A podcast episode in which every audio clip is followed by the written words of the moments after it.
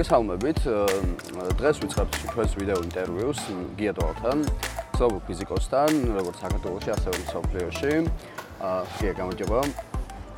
ძალიან მიხარია რომ რაღაც ჩვენ ინტერვიუ შედგა და რაღაც მართლა ჩემი და ზოგი ჩემს ძალიან პატივია ეს და სპონტანურად. ხო, სპონტანურად და ძალიან მიხარია, იმიტომ რომ ამის საშუალება მომეცა რომ რაღაც ვილაპარაკო თქვენთან ასეთ თემებზე რა და ძალიან ფიქრობდი საიდან დამეწყო ზოგადად ეს, მაგრამ რაღაც მაინც ვფიქრობ რომ დავიწყოთ უდასაწყისიდან და რაღაც პირველ ესეთ შეკითხვა მაქვს თქვენთან, ანუ აი მაინც აი როგორ დაიწყო თქვენი კავშირი აი მეცნიერებთან, მეცნიერებასთან რა, ანუ აი როდის გადაწყვიტეთ, ან როდის გაგიჩნდათ ინტერესი? აი მე პირადად ძალიან მაინტერესებს ეს, იმიტომ რომ მე მაგალითად მეცნიერების მიერ ცოტა გვიან გამიშდა ინტერესები და სულ ნანობ ხოლმე ამას და აი თქვენ შემთხვევაში მაინტერესებს ეს როგორ არის? ну არ ამგონია რომ ჩემი ჩემი პირველ რიცხვლის მოგესალმებით, მოგესალმებით თქვენს აყურებელს.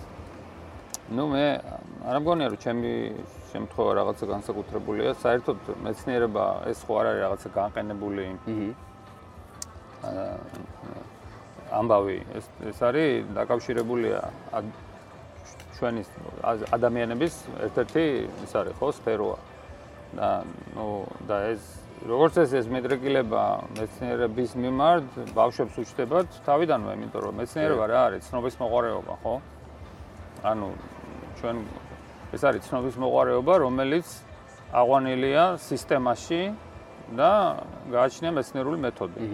რა თქმა უნდა, ბავშვებს პატარა ასაკში არ აქვს მეცნიერული მეთოდი, მაგრამ ნუ რაღაცნაირად ქვეცნობიერად ამის ამის აღმოჩენას აკეთებენ, ხო? რა თქმა უნდა, ბავშვის სამყაროს შემეცნება ყოველთვის ხდება მეცნიერული მეთოდით, ხო? რაღაც ემპირიულად, მაგალითად რაღაც ცეცხლი რო დაგსვავს, მე რეიცი რო ცხელია და შემდეგ, ხო?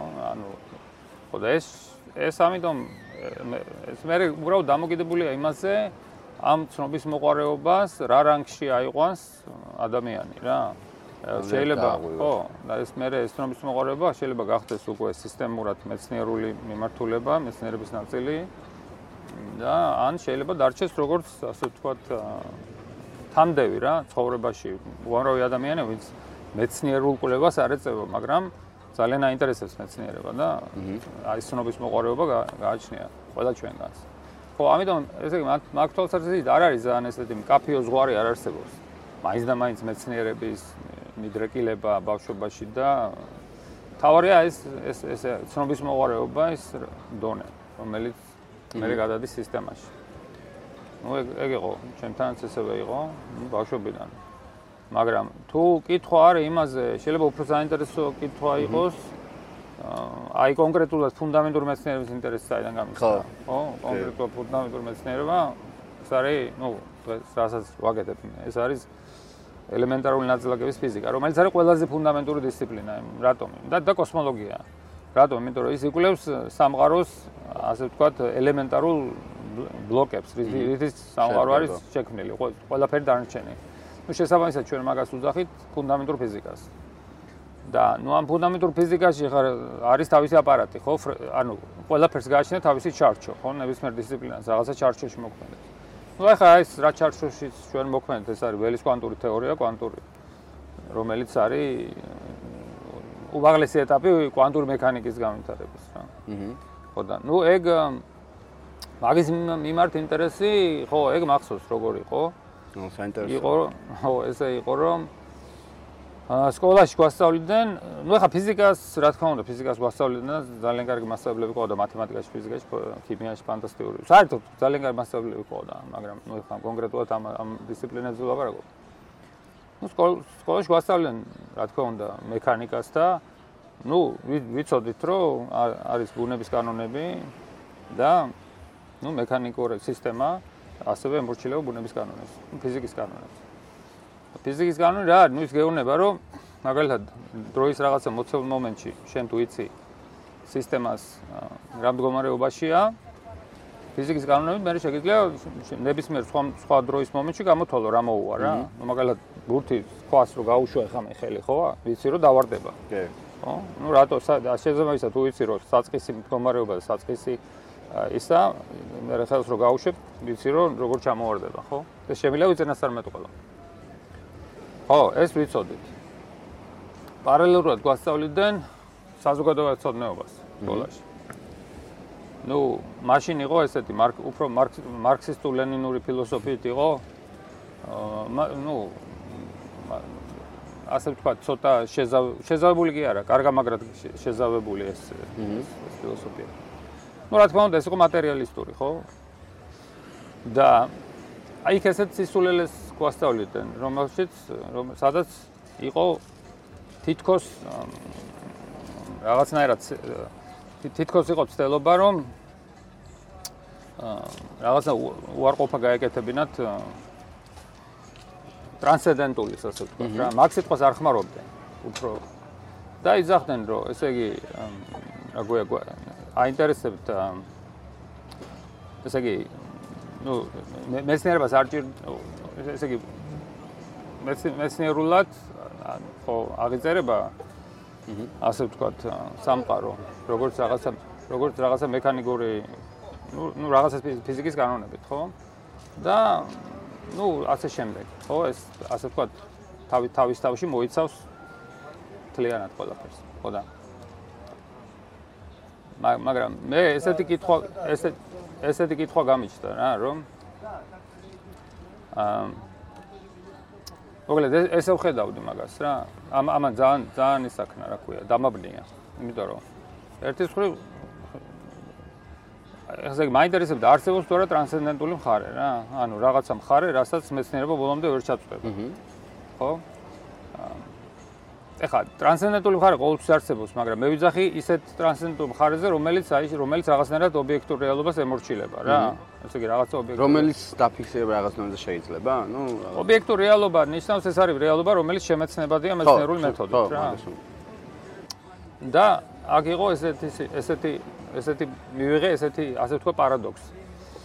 პარადოქსი რა შეგომარეობდა რომ ესე ვფიქრობდი მე რომ ავიღოთ მეთქი რომ თქვათ და ესეა რომ ვიცით რომ ფიზიკა გვეუბნება რომ ნებისმიერ დროის მომენტში თუ ვიცი სისტემის მდგომარეობა ნებისმიერ სხვა მომენტში შემიძლია ეს მდგომარეობა გამოსაზრო. მაშინ არსებობს მაშინ ყველანაირი განუზღრებლობა მოხსნილია, იმიტომ რომ თელი სამყარო რო ავიღო, ხო? მთელი სამყაროს ფიზიკური სისტემაა. მთელი სამყაროს რაღაცა მდგომარეობაშია, რაღაცა ტეუდრის ნორ მომენტში და შესაბამისად ფიზიკის კანონები მეუნება ცალსახად რა მდგომარეობაში იქნება. და ამან დამაბნია, იმიტომ რომ მასში სად არის თავისუფალი არჩევანი? ხო. იმიტომ რომ ყველაფერი არის განსაზღვრული მაშინ, ხო? ესე იგი არ არსებობს მაშინ ფაქტიურად ბედი არ, ნუ არსებობს ბედის წერა, ხო? მეცნიერება გეუბნება თვითონ მაშინ რომ არსებობს ბედის წერა. ხო და ამან და ეს ერთადერთი გამოსავალი აქედან რაც მაშინ ლოგიკურად რაც მომნახე იყო რომ მაშინ უნდა უნდა დაგვეშო რომ რაღაცა არსებობს რაღაცა სისტემა მატერია ან რაღაც ეგეთი რაც არანაირ კანონებს არ ემორჩილება. აჰა მაშინ ეს რაღაცნაირად ტრანსცენდენტულია რა ხო? ხო და მოკლედ ეს არ მაძლევდა მოსვენებას. ნუ პატარა ვიყავი მაშინ აღარ მახსოვს 12 წლის თუ რაღაცა. ხო. და მასწავლებს მასშტაბლებს დაველაპარაკე მაგაზე. ნუ მასშტაბლებმა საერთოდ ვერ გაიგეს რა მინდოდა. კვანტურ მექანიკას ხო რეძებდით? ხო და, ხო, მომენტი ეგ იყო რომ ხო კი, კვანტურ მექანიკა რაღაცები სიტყვის დონეზე მქონდა გაგებული, მაგრამ ну მაშინ ისე ისე არა. მერე რაღაცა ერთი ერთი წელიწადში თუ რაღაცა ეგეთში. მოკლედ მასშტაბებმა მელი ცოტა დაიბნა ბოლომდე ვერ გაიგო საერთოდ რა მინდოდა და ამ შემდეგ, მაგრამ ну მე გავაგზელე ამაზე.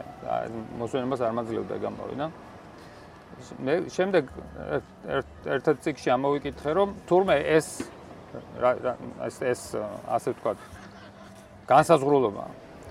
თურმე ეს ცნობილი ცნობილია მეცნიერებაში და ქვია ლაპლასის დეტერმინიზმის პრინციპი. ანუ ლაპლასი ზუსტად ზუსტად ისეთივე მომენტი იყო. ლაპლასი ზუსტად მასე აღალიბებდა იმას რომ ესე იგი ну ცოტა სხვანაირად აყალიბებ რა თქმა უნდა რომ რო არსებობდესო ტვინიო რომელსაც მთელი ინფორმაცია გააჩნია სამყაროზე ნუ შემდეგ ნებისმიერ შემდეგ ჩემი გაგებით სუპერკომპიუტერის დონეზე რაღაც შეიძლება ნუ თლად სუპერკომპიუტერი მაგრამ ხო რაღაც ეგეთი ხო რაღაც ის რომ მაშინ მთელი შემდეგი ამ იმაზე ამას განსაზღვრავს უკვე რა სამყაროს ამას ვიღაცამ შევა ღმერთის კონცეფციაც დაარქვას ხო რაღაცა გონი რომელსაც ნუ ეგ თუკინად მივიდეთ მაგამდე მე ვილაპარაკოთ ეს ისეთი ცნებებია რომ მაგას მაგას ზერელე გაშლა არ უხდება ხო ხო და მოკლედ ნუ ესეთ ესეთი კონცეფცია ესეთი ის კონდა ლაპლას თურმე აღმოჩნდა რა მაგრამ ლაპლასმა არ ვიცი რა რა პასუხი მონახა მაგაზე. ალბათ ვერაფერი, იმიტომ რომ მაშინ არა ნუ ფაქტობრივად კლასიკურ ფიზიკაში ეგრეა, კლასიკური ფიზიკა არის დეტერმინისტული. დეტერმინისტული, ოღონ დეტერმინისტული პირდაპირ გაგებით, აი, უსე თქვა პრიმიტიული გაგებით რა, ნებისმიერი იმის ლოკაცია, სიჩქარე, სიჩქარე და ასე შემდეგ რა. მაგრამ მე ამ დაახლოებით იგივე პერიოდში რაღაც კვანტურ მექანიკას თან მქონდა, ასე ვთქვათ. შეხებას ვერ დავარქმე. ეგ არის ინტუიციის დონეზე, რაღაცა ციგნებს გადავშლიდი. და ეს უსნაური გზნობაა ხოლმე, ეგ რა. ციგს გადაშლი ხა 12 წლის ბავშვმა თან რომელიც ხა ჩოლებრი სტანდარტულ სკოლაში სწავლობს, ხო? ეხლა რაღაც უმაღლესი კვანტური მექანიკის ციგს რო გადაშლი, ციგს იქ რა უნდა რა უნდა გაიგოს, ვერაფერს ვერაფერს ვერ იგებს, რა თქმა უნდა, მაგრამ აა მაგრამ ესეთი შეგრძნებაა, რომ აი ეს ის არის. და მე უფრო ცოტა უფრო რო გავიგეს კვანტურ მექანიკის ამბავი, რომ კვანტურ მექანიკა არის დაფუძნებული სუპერპოზიციის პრინციპზე და ალბათობებზე, მე მე მივხვდი, რომ ეს აი ეს არის. ზუსტად ეს არის, ეს ეს არის, რაც არის. რა თქმა უნდა, ხა მაშინ არ მქონდა გააზრებული ისე. და მოკლედ ეგ იყო რა. მაგ მომენტში მივხვდი, რომ ეს ეს არის ამაზე პასუხები არის ფუნდამენტურ ფიზიკაში. ეს რაღაცებზე. ეხა კვანტური მექანიკა. ეგ არ უნდა იყოს პრიმიტიულად გაგებული. კვანტური ფიზიკა ესე ცალსახად არ იძლევა მაგაზე ამომწურავ პასუხს. რას ნიშნავს თავისუფალი ნება იმიტომ რომ რას ნიშნავს თავისუფალი ნება რა თქმა უნდა კვანტური მექანიკა ალბათურია.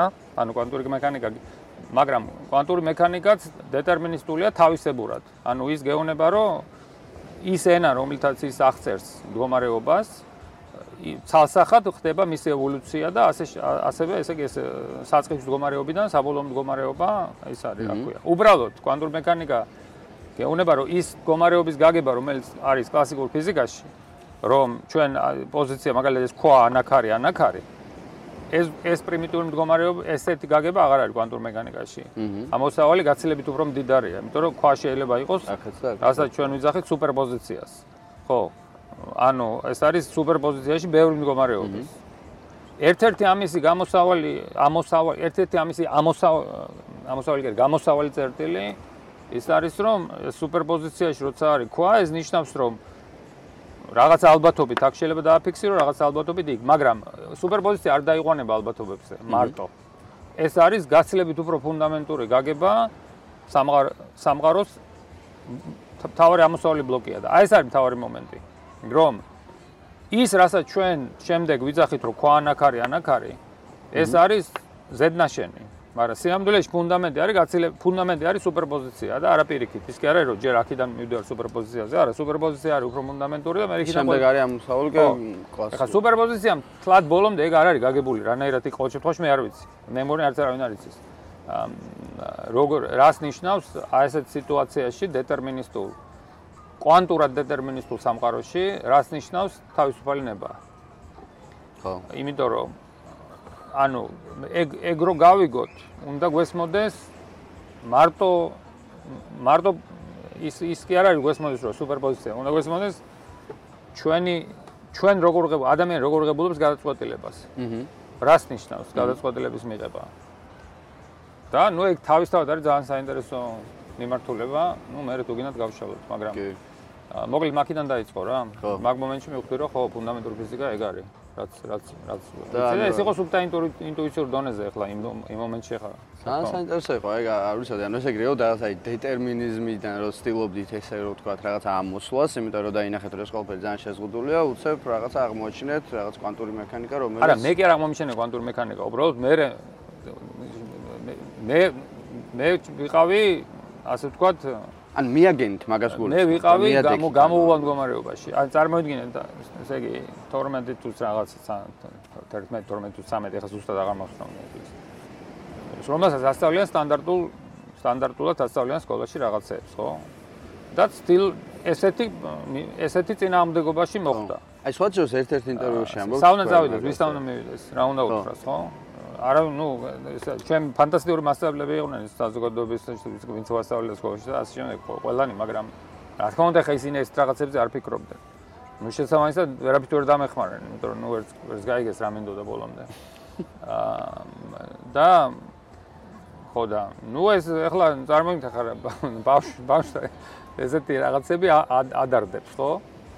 და ნუ ცდილობს რომ გაიგოს რა ხდება რა რა ხდება ანუ და ყველა ყველა ვარიანტში მე გადავწყვიტე რომ რასაც გვასწავლდნენ ის შეუძლებელი რომ სწორი ყოფილიყო.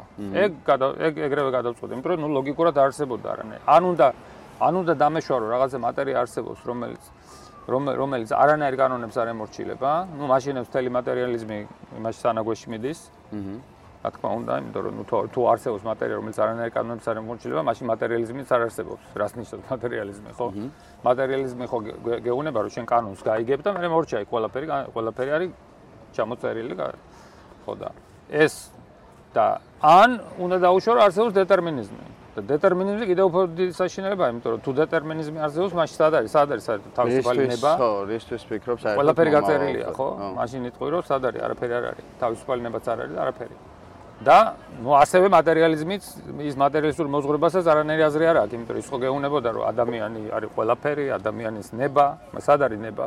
რომელი ეს იყო, ნუ წინააღმდეგობა, რომელიც რომელიც აშკარად იყო, მაგრამ ნუ ეხლა ვერაფერი, ნუ მე ერთადერთი გადავწყვიტე, რომ ის რასაც გვასწავლიან, იმას არანაირი აზრი არ აქვს. მაგრამ პასუხი რა იყო ეს ეს ეს მაშინ არ რა თქმა უნდა არ მესმოდა. და მაგრამ მე როცა კვანტურ მექანიკას, ნუ რაღაცნაირად კვანტურ მექანიკას თითქოს რეზონანსში მოვიდა აი იმასთან, რომ ვიძახთი, რომ აი თითქოს რაღაც მატერიალი არსებობს, რომელიც თითქოს არანაირ კანონებს არ ემორჩილება, მაგრამ ეს ეს ეს ეს რა თქმა უნდა ეგრე არ არის კვანტურ მექანიკას მშვენიერი კანონები და ასე შემდეგ, მაგრამ რაღაცა თითქოს მაგასთან რეზონირებდა რა. მაგრამ ის კვანტურ მექანიკა მე უბრალოდ როდესაც მივხვდი რომ რაღაცა არსებობს სულ სხვა, რაც არ დაიყვანება რაღაცა მექანიკურ და ესეთი კლასიკური ფიზიკის კანონებზე, ეგ იყო ასე ვთქვათ, ჩემთვის ის რომ მივხვდი რომ რაღაცა აი ეს ეს არის პასუხი. მაგრამ ეგ კიდევ ვიძახი, ეგ არ არის ბოლომდე პასუხი, პასუხი ბოლომდე არ არსებობს. არ გვაქვს პასუხი. ადამიანებს რას ნიშნავს თავისუფალი ნება? რეალურად, ხო, აი მაგხრივ რა ეტაპზე ვართ, ანუ აი აინშტაინზეც ხო ვიცით ეს ძალიან ცნობილი გამონათქვამი, რომ მომერთი კანონით არ თამაშობს, ხო? ანუ იდეაში აინშტაინი იყო, ვინც ამას იდეაში ვერ იღებდა, ხო? ამას. არა, აინშტაინი პირდაპირ იყო დეტერმინიზმის დეტა აინშტაინი თვლიდა, რომ კლასიკური ფიზიკის ანუ აინშტაინი პირდაპირ იყო მოწინააღმდეგე კვანტური მექანიკის, მიუხედავად იმისა, რომ თავისი გენიალური აზროვნებით ბიზგი მისცა. კი, კი. მაგრამ უბრალოდ რა ქვია, უბრალოდ რა ქვია, ეს რა თქმა უნდა ერთმანეთს ერთმანეთთან თან არსებობდა მასში ეს ის მაგრამ ხო აინშტაინი ზუსტად ეგ გამონათქვამი არის ის რომ დეტერმინიზმის მომხრეა. ხო. ანუ თვლიდა რომ უნდა იყოს დეტერმინისტური. არა დღესაც არიან ფიზიკოსები არიან ძალიან საკმაოდ ძლიერი ძლიერი გერეს გამოჩენილი ფიზიკოსები და გენიალური ფიზიკოსები დღეს დღევანდელი დღეს არიან ჯერ კიდევ ცოცხლები დეტერმინიზმისკენ არიან. ხო, რომლებიც მაგალითად თვლიან, რომ რას ამბობენ კვანტურ მექანიკაზე მაგალითად? ნუ მაგათთან მე რა თქმა უნდა ბევრი ასე ვთქვა, ძალიან კოლეგაა და მეგობარი და შემდეგ და უამრავი ჩხუბი და ბრძოლა მაქვს ხოლმე მაგათთან, მაგრამ ნუ ეხა ადამიანი თვლის, რომ სამყარო უნდა იყოს დეტერმინისტული. ის განა ეს იქიდან კი არ გამოდის, რომ მას კვანტური მექანიკა არ ესმის, როგორ არ ესმის, სუპერ გაგება აქვს, მაგრამ მაგრამ უბრალოდ თulis რომ დისკომფორტი აქვს რა თulis ადამიანი რომ სამყარო უნდა იყოს დეტერმინისტული პიროვნული რაღაცა უფრო ფუნდამენტური რაღაც ანუ კონკრეტულ აი ადამიანებს შეიძლება უფრო მიდრეკილები იყვნენ ამისკენ თუ საუბრობთ რომ ზოგადად სახეობა შეიძლება არა მე ლაბარაკობ იმ კონკრეტულ პიროვნებაზე მოგესმით მან გასაშლელობა ძალიან რთულია. ეხლა ჩვენ ლაბარაკობთ ესე იგი ულტრა ექსტრემზე ლაბარაკობთ ხალხზე რომლის დონესაც 2-3 ადამიანი მოიძებნება სოფლიოში ხო?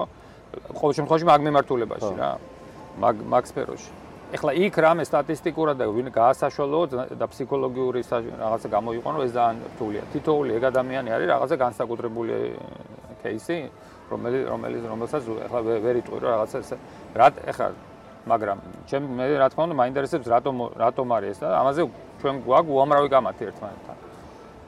მაგრამ ნუ შინაგან შინაგანიდან მოდის რაღაც შინაგანი ინტუიცია ადამიანს რო თulis რომ э, სამყარო უნდა იყოს დეტერმინი დეტერმინისტული. და მორჩა. ეს აქ. ეს თავისთავად არ მაგაში არ არამეცნიერული არაფერი არ არის. უბრალოდ არ ერთია რომ შენ რაღაცა შინაგანი ინტუიცია გაქვს მაგრამ მეცნიერება ეგრე არ მუშაობს. მეცნიერება მუშაობს ისე რომ შენ მაშინის შინაგანი ინტუიციის დამადასტურებელი რაღაცა მოძღვრება უნდა შექმნა. მოძღვრება არ აქვს. ნუ აქვს ასე ვთქვათ სურვილი მაგრამ მოძღვრება არ აქვს არა, იმიტომ რომ მოძღვრება რას ნიშნავს? რაღაცა უნდა იყოს ელემენტარული სისტემა, სადაც შენ შეგიძლია ამის დემონსტრირება. აი მე ამას ვაკეთებ, დეტერმინისტულია და სამაგეროდ ეს ყველანაირი რაც კვანტური მექანიკა აღწერს, ესეც გამოდის. ეგეთი რამე არ არსებობს. მე მე და მე ორი აზრი არ მაქვს დარწმუნებული ვარ არც ვერცი არსებობს. ანუ ეგ არის ეგ სურვილი ვერსად ვერ წავა და არ არაფერი არ გამოვა მაქინდან, მაგრამ ну, ყოველ შემთხვევაში ეს ну, ლოგიკა არის მაგაში. ანუ ადამიანი ესეთ ინტუიცია ესეთი აქვს და თulis რომ რაღაცა შექმნას ამ მიმართულებით რა.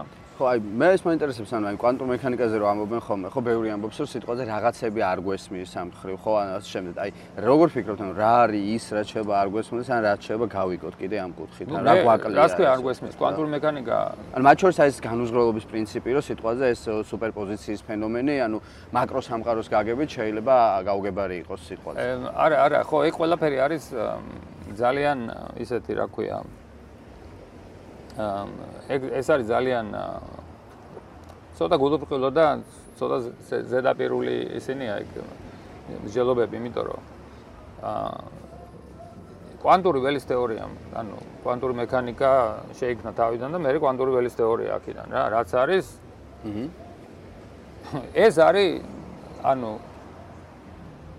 ანუ ეს არის ყველაფერი, ანუ ამან ამან ამან ამან გაიარა იმდენი გამოცდა აი ხლა ეს აპარატურა რომ მუშაობს მაგაზე არის დაფუძნებული.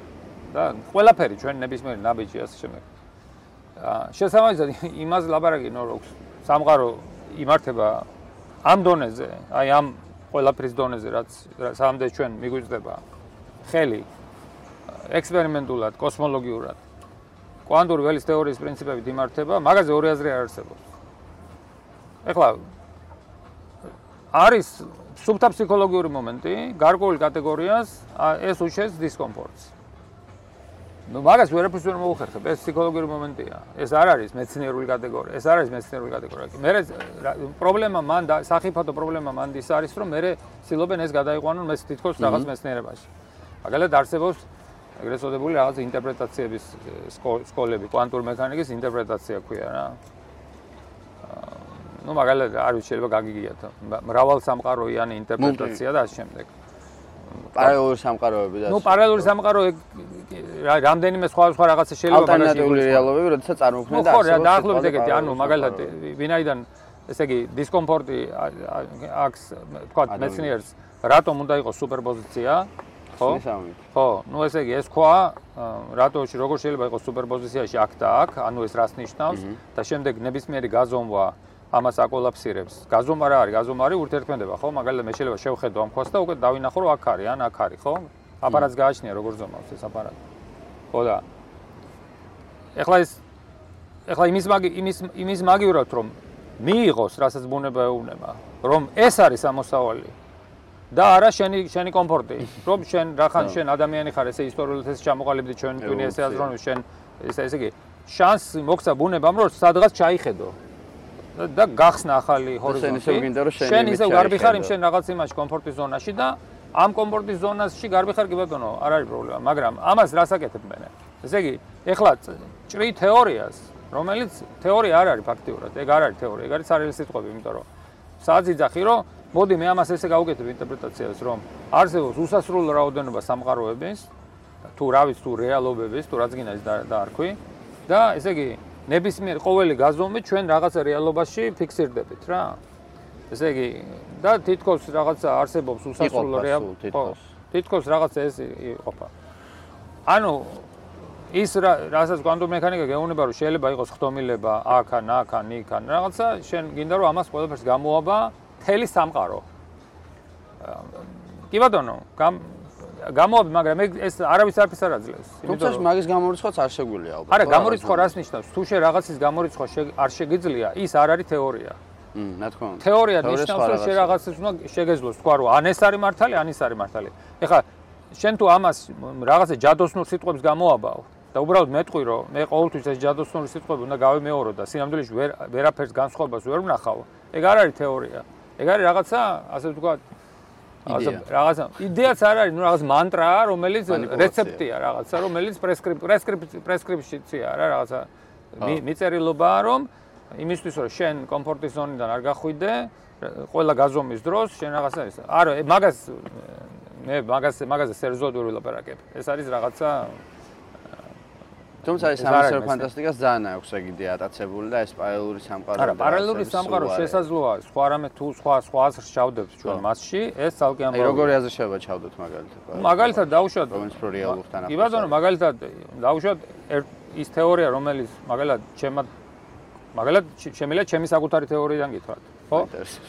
ჩვენი ჩემო კოლაბორატორებმა და მე დაახლოებით 90 და რამდენი დაახლოებით 98 წელი იყო როდესაც ვაჩვენეთ, რომ შეიძლება არსებობდეს დამატებითი განზომილებები, რომლის ზომაც არის დაახლოებით მილიმეტრი.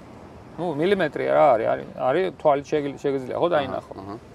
ნუ ხა ეს შოკი იყო რა თქმა უნდა ყველასთვის, იმიტომ რომ ესეთი რაღაცა ძალიან რთულიაში წარმოიდგინე რომ არსებობს დამატებითი განზომილება, რომელიც მილიმეტრია და ყოველდღიურობაში ამას შენ ვერ ამჩნევ. და შეიძლება ძალიან ბევრი იყოს ესეთი განზომილებები? ხო, ნუ გაჩ ესე იგი მაგალითად თუ 2-ია, მოკლედ კი, შეიძლება ბევრი იყოს, მაგრამ ყველაზე დიდი ზომა არ შეიძლება აღემატებოდეს მილიმეტრს დაახლოებით რა. აჰა. და იმიტომ რომ სხვანაირად ექსპერიმენტულად დავინახავდით მაგას. და არაფერს არ ეწინააღმდეგება აღმოჩნდა რა. არა არა მარტო არაფერს არ ეწინააღმდეგება, არამედ რაღაცა წინასწარ მეტყოლებები გააჩნია. მაგალითად ის რომ CERN-ის ამაჩქარებელზე შეიძლება შავხრელი დაიბადოს. კი. მანამდე ესეთ რამე წარმოუდგენელი იყო, იმიტომ რომ მანამდე ესეთი მანამდე ესე ესე გვესმოდა რომ იმისაც რომ შავხრელი შექმნა ამაჩქარებელზე ამაჩქარებლის ენერგია უნდა იყოს ну დაახლოებით ეგრე ეს ну ეს პლანკის ენერგია ქვია მაგას ანუ მაგაზე მეტი ანუ ეს არის დაახლოებით ამება ამებას მთელი ენერგია მასა რაც ამებას მასაში ანუ ერთი პროტონი უნდა აჩქარო იმ იმ ენერგიას მაგაში ირდება galaktikis ზომის ამაჩქარებელი. ხო და ეგ იყო წარმოუდგენელი, მაგრამ ამ თეორიაში დასაშვებია ეს თეორია აჩვენებს, რომ დასაშვებია, რომ CERN-მა შექმნა სამაჩქარებელზე შავხრელი, შეიძლება უკვე შექმნილი აქვს, უბრალოდ ის ან data analysis-დან უნდა უნდა გამოფილტროთ. ხო. ერთ-ერთი ბაი-პროდუქტი ამისი, ერთ-ერთი ესე ვთქვა, წინასწარმეტყველება არის, რომ CERN-ის ამაჩქარებელს შეუძლია დაბადოს მიკროსკოპული შავხრელი, რაც მანამდე წარმოუდგენელი იყო და ასე შემდეგ. ნუ ბევრი რაღაცა ძალიან ისეთი ძალიან ფეირვერკის ნაირი წინასწარმეტყველებები გამოდის ამ ამ თეორიიდან. და ეხლა რა ხდება? ეს თეორია რას გეუბნება, რომ არსებობს ეს დამატებითი განზომილება და ჩვენ ამ დამატებითი განზომილებაში ლოკალიზებული ვართ. ყველა ის ურთიერთქმედება, აი ყოველდღიური ურთიერთქმედება, ელექტრომაგნიტური, ასე შემდეგ, სინათლე. ეს ყველაფერი არის ლოკალიზებული სამ განზომილებას ზედაპირზე. ანუ ეს ციგნი რო წარმოიდგინოთ რა, ციგში ხო არის ფურცლები ჩალაგებული. აი ჩვენ ცხოვრობთ ერთ ფურცელზე, მაგრამ არსებობს კიდე პარალელური ფურცლები რა. ეხლა მაგ ფურცლების რაოდენობა შეზღუდულია, მაგრამ ძალიან დიდია. დაახლოებით არის 10 ხარისხად 32. რაც არის მილიარდჯერ, მილიარდჯერ, მილიარდჯერ ასე შემდეგ, ხო? ძალიან დიდი რაოდენობა, მაგრამ სასრულია სხვათა შორის. ეგ მომენტი არის. უსასრულო არა. უსასრულო რაოდენობა პარალელურ სამყაროები ვერ იქნება. აა ეხლა ეგ თითოეული ფურცელი, ეხლა მაგალითად ხანდახან ამ თითოეულ ფურცელს უძახიან პარალელურ სამყაროს. ხანდახან უძახიან პარალელურ სოფლიოს. იმიტომ რომ თლაც სამყარო არ არის, იმიტომ რომ ისიც ჩვენი სამყაროს ნაწილია. ვინაიდან ჩვენ საერთო გვაქვს გრავიტაცია. ხო, აი გრავიტაცია უნივერსალურია, ანუ ურთიერთობა. ხო, გრავიტაცია უნივერსალურია. შესაბამისად, ესეთი პარალელური აა ნუ, მაგრამ უკვე ტერმინოლოგიის საქმეა ხა, თუ გინდა პარალელური სამყარო დაარქვით, თუ გინდა პარალელური მსოფლიო. ან პარალელური რეალობა. ხო, ნუ პარალელური world ესე ეს რეალობა, ნუ რეალობა იქ თავისია ხა, რა თქმა უნდა, ის ჩვენ ეგ პარალელური რეალობა ცოტა სხვანაირად სხვანაირი იმიტომ ეხლა პარალელურობას ნიშნავს. აი მაგალითად თქვენ არსებობთ ჩემგან დამოუკიდებლად და მე თქვენსგან თქვენ გაქვთ რეალობა რაღაცა და მე ამ გაგებით ხო პარალელური რეალობა რა არა ის არ არის რაღაცა. ხო. მაგრამ მაგალითად მან მაგ მაგ ფურცლებზე რომლებიც არიან ჩვენი მეზობელი ფურცლები. ჩვენ მათთან ურთიერთქმედებით მხოლოდ გრავიტაციულად. გრავიტაციულად ან რაღაცა სხვა ჯერ კიდევ უცნობი ურთიერთქმედებები შეიძლება არსებობდეს მაგალითად, ბევრი საინტერესო რაღაცა გამოდის მაგალითად, მანდი მაგალითად დაუშვათ თქვენი ცით, რომ ჩვენ სამყაროში არსებობს შავი ბნელი ბნელი მატერია, ხო? ну მაგალითად ჩვენი ერთ-ერთი ჰიპოთეზა იყო რომ ეს ბნელი მატერია სამდვილეში შეიძლება ჩვენნაირი მატერია რომელიც აი ამ პარალელურ ფურცლებზე არის ლოკალიზირებული და ასე შემდეგ. ну რაღაც საინტერესო ისინი არის რა გამოსავალი არსებობს. ანუ ეგეთი პარალელური სამყაროს, ეგეთი პარალელური მსოფლიოს არსებობა აბსოლუტურად მეცნიერული და რეალისტურია და ექსპერიმენტულად დაგვირებადია. მაგალითად, ჩვენ მათ შეგვიძლია გრავიტაციის ხარჯზე ვეურთერთმედოთ. ვეურთერთ ურთერთო, მაგალითად, რო წარმოვიდგინოთ, რომ ეხლა არსებობს აი აქ ჩვენი ვიღაცა გვესტუმრა იმ პარალელური სამყაროდან, მაგალითად ხომალდი. აქ დედამიწაზე. მათთან ჩვენ შეგვიძლია კომუნიკაცია გრავიტაციის ხარჯზე.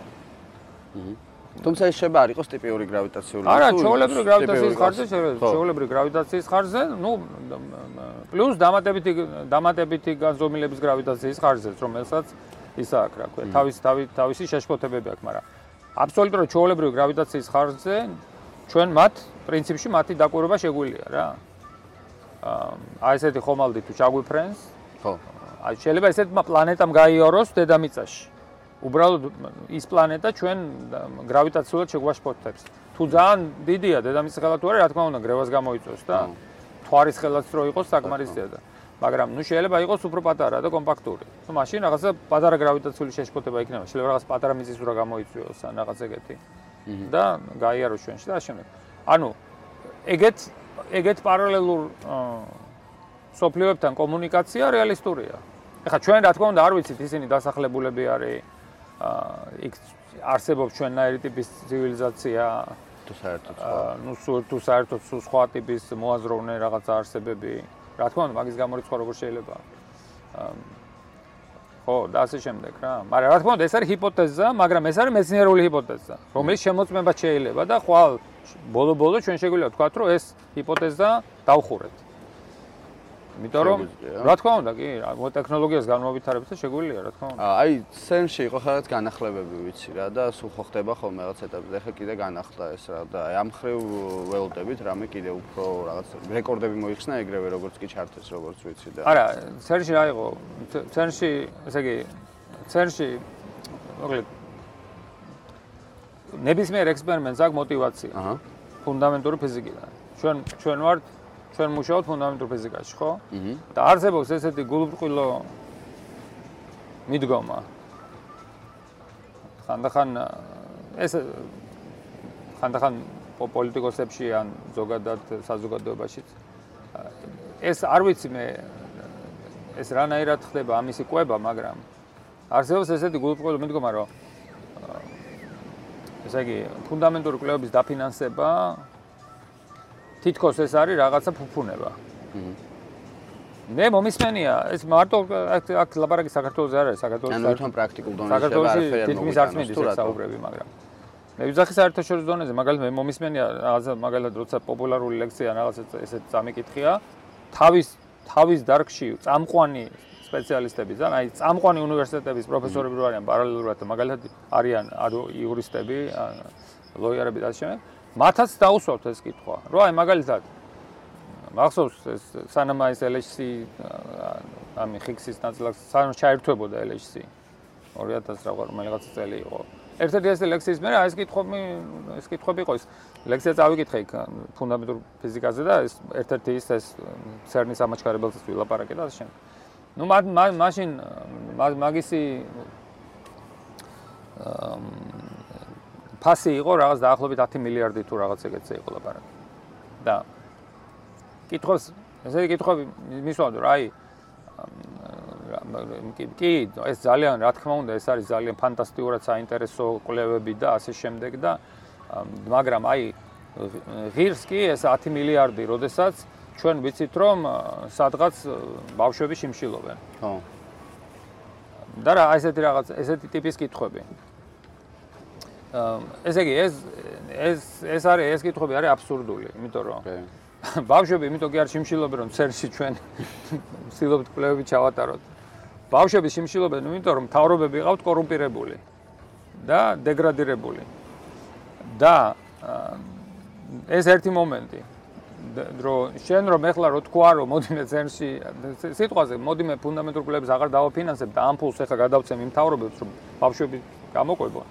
ის ფული წავა ჯიბეებში, რა თქმა უნდა. ეხლა ეს იმდანად გულუბრყვილო ის არის, ხო? მაგრამ ამას გარდა ეგ ეს ესე იგი არის აბსოლუტური გაუგებრობა, რას ნიშნავს ფუნდამენტური მეცნიერების ამე. ერთ-ერთი უდიდესი ტექნოლოგიური წინსვლა არის ზუსტად ამ ექსპერიმენტებიდან. მაგალითად, საკმარისია www რო არის, ხო? ეს ხო ცენტრში შეიქმნა. და ეხლა იმან რად ბრუნვაც გამოიწვია კაპიტალ ბრუნვა. და დღეს ხო მაგის გარშე წარმოუდგენელია ჩვენ საერთო ვერცა. ეს არის ლაპარაკი არის ტრილიონებზე, ხო? საერთოდ ის 10 მილიარდი რაც რაც ელეშის ექსპერიმენტი ეს არაფერი არ არის. ანუ ეს არის ვერ გაგება. ხო გესმით? ამიტომ არის რომ პრობლემა არის რომ როდესაც რაღაცნაირად ესეთი ხედვა არა აქვს ხალხს, რომელიც განაგებს ამ რაღაცეებს. ნუ ეს ძალიან დიდ პრობლემას ქნის, იმიტომ რომ შენ უნდა იქ იმის იქით გაიხედო. შენ შენ ისე კი უნდა იფიქრო რომ ეს 10 მილიარდი წყალში გადაუყარე. წყალში კი არ გადაგიყრია. ეს 10 მილიარდი შენ ჩადე კვლევებში, რომელიც როგორც ბაი პროდუქტი ამ ესე უზარმაზარ ტექნოლოგიურ ბიზნესებს იძლევა. ყოველდღიურობაში, რომელიც მე მე გამოიყენება ყველგან, ჩვენ ხო არაფერს არ ვაპატენტებთ. აჰა. ჩვენ ვართ ეგრეთ წოდებული public domain, რასაც ქვია, საზოგადოებრივი დომენი. ანუ ჩვენი ყველა შედეგი და ჩვენი ყველა კვლევა არის ეს არის ღია და ნებისმიერ შეუძლია გამოიყენოს. და რა თქმა უნდა, ეს თელი ტექნოლოგიები რაც არის, ეს არის მე დაფუძნებული ამ ამ ამ მიღწევებზე და ამ კეთილდღეობა მათ. რა თქმა უნდა, მაგრამ და ეს ეს ესე იგი ინვესტიციასთან ყველაზე დიდი ძლიერი ინვესტიცია რაც შეიძლება კაცობრიობამ გააკეთოს არის მეცნიერებაში, იმიტომ რომ აქედან არის ყუთელი გამოსავალი, ხო? ხო და ხო, ეს რაც შეეხება იმას. ეხლა ცოტა გადახოვასავით იყო.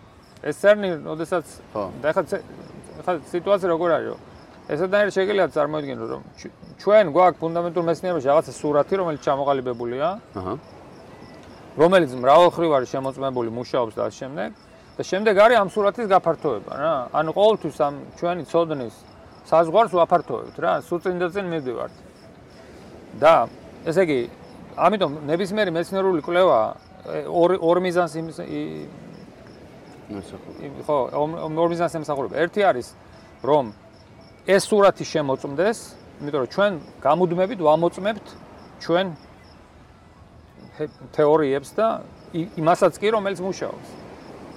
და თუ რაღაცა ბლოკები აკლია იმას ის დაემატოს და მეორე არის ამის მიღმა წასვლა.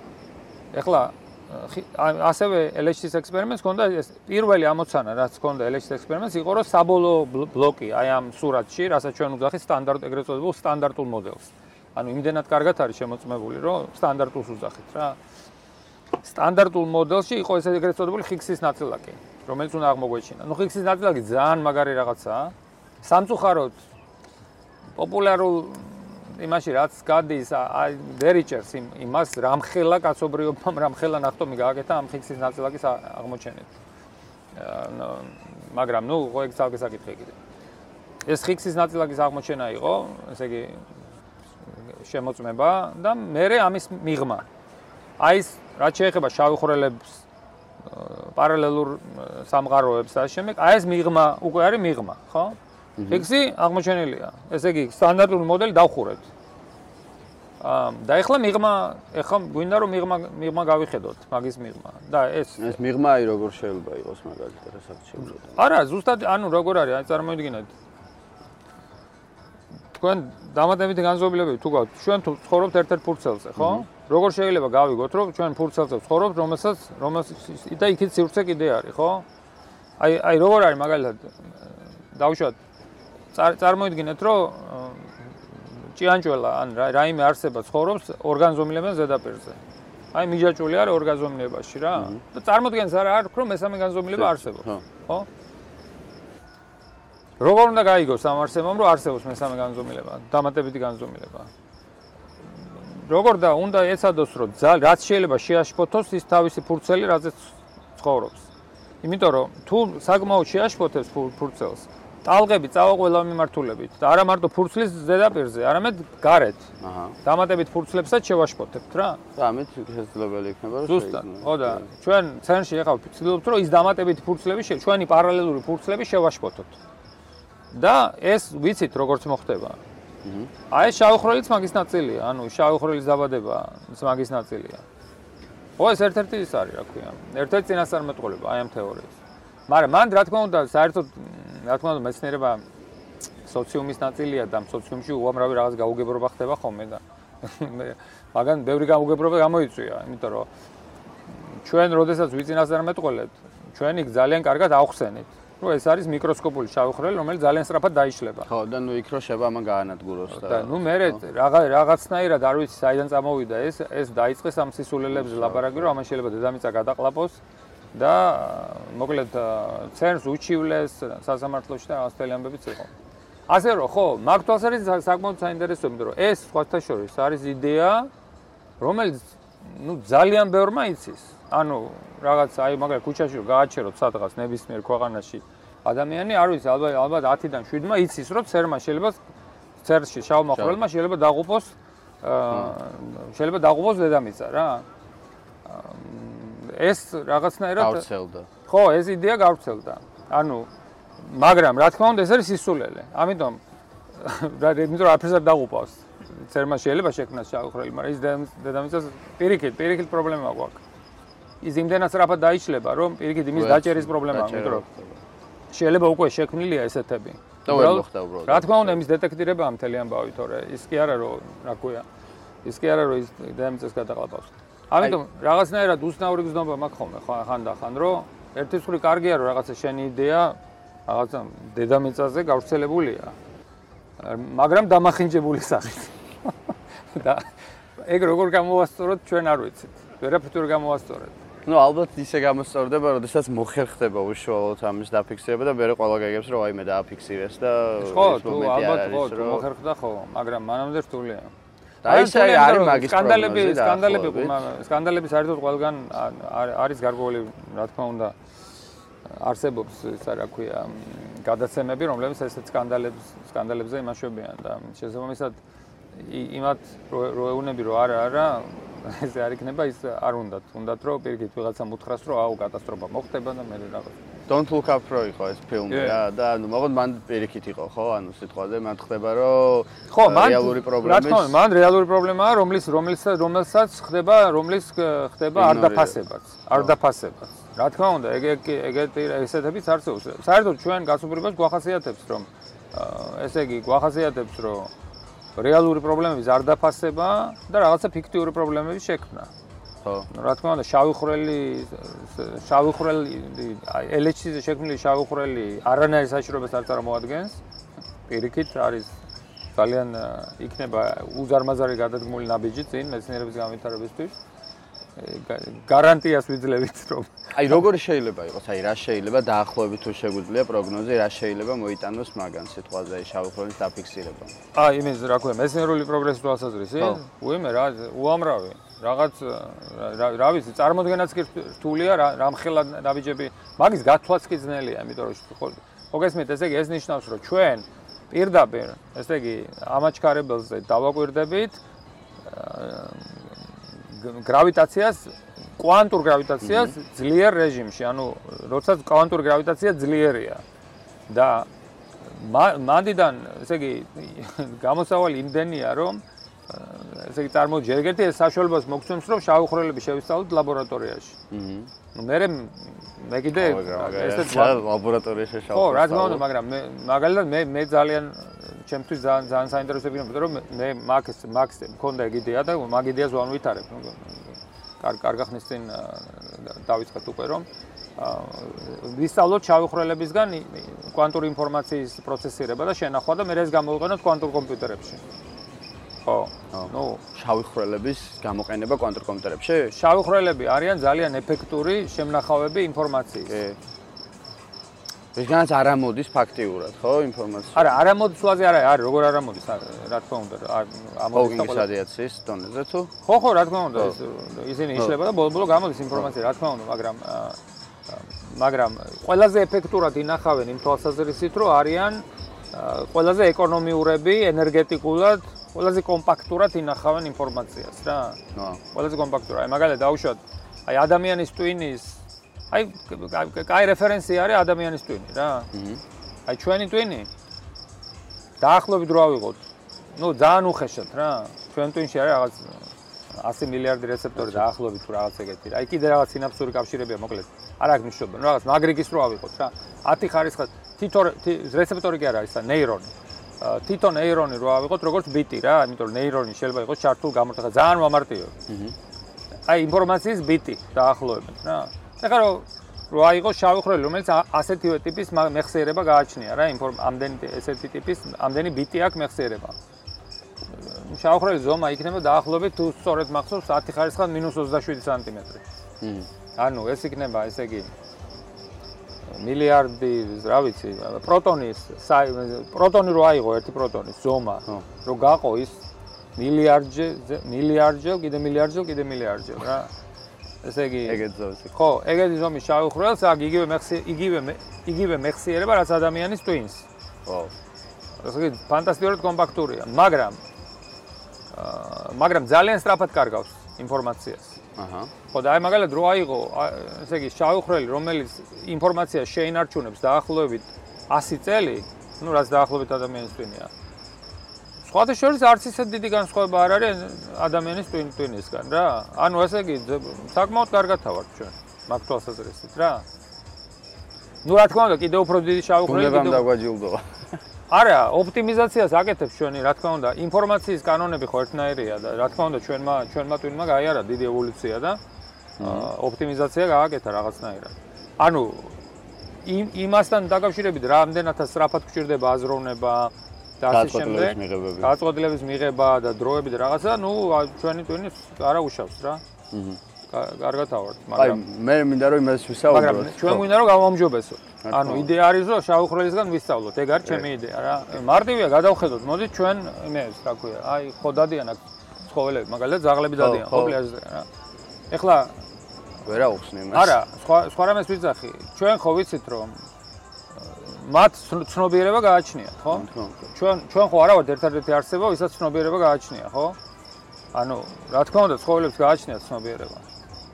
აა, ეხლა მაგრამ ჩვენ გონია, რომ ჩვენ გაგვაჩნია ცნობიერების უფრო მაღალი დონე. აა, შეიძლება ვწდებით, არა, მაგრამ ნუ ყოველ შემთხვევაში ესე გონია, ხო? და ეხლა საიდან საიდან საიდან მოდის ის რომ ბუნება მაინც-მაინც აქ გაჩერდა. ხო. ანუ ეგ არის ხო? იმიტომ რომ რატო არ შეიძლება არსებობდეს ჩვენზე ჩვენზე დიდი ჩვენზე უფრო მაღალი დონის ცნობიერების ორგანო რა ქვია ობიექტის. ხო და რა გვეუბნება მაგას რომ ლიმიტები არის ხო არაფერი არა ხო და მაგას ვიძახი ზუსტად ანუ ჩვენ ხო გვაქვს ჩვენ თვალწინ გვაქვს როდესაც არსებობს ცნობიერების არა ერთი არამედ რამდენიმე დონე ხო? ხო ხო ვიძახით რომ აგე ცხოველები გააქჩინათ ცნობიერება ერთის ხრი მაგრამ ჩვენ უფრო მაღალი დონის ცნობიერება გვაქვს რაღაცნაირად რა. ну მაღალი დონის კიდე ინტელექტი და შემდეგ. შესაბამისად რატო უნდა დაუშვათ? ჩვენ რომ ჩვენ ვართ ზღვარი. საიდან საიდან გამო არსენიდან არ გამომდინარეობს ეგ ხო? პირიქით როდესაც არსებობს 1 და 2, მე რა თქმა უნდა ის უნდა შეიძლება დაუშვა რომ უფრო ლოგიკურია არსებობდეს მესამე დონე, მეოთხე და საერთოდ, ხო? ხო. ეხლა მე მაგალითად ცნობიერების ჯერ ერთი ეგეთი ცნობიერება ჩვენ შეგვიძლია ხელოვნურად შევქნათ. ეხლა ხო, მაგას ზუსტად მაგ ეგ გვინდა, მაგაზე არ ვლაპარაკობდი ამ შავხრელების ეს რა რატო რატო ვარ ჩამოკიდებული ამ შავხრელებზე? იმიტომ რომ ეგ არის ყველაზე კომპაქტური შემნახავი ინფორმაციის და ყველაზე ეფექტური.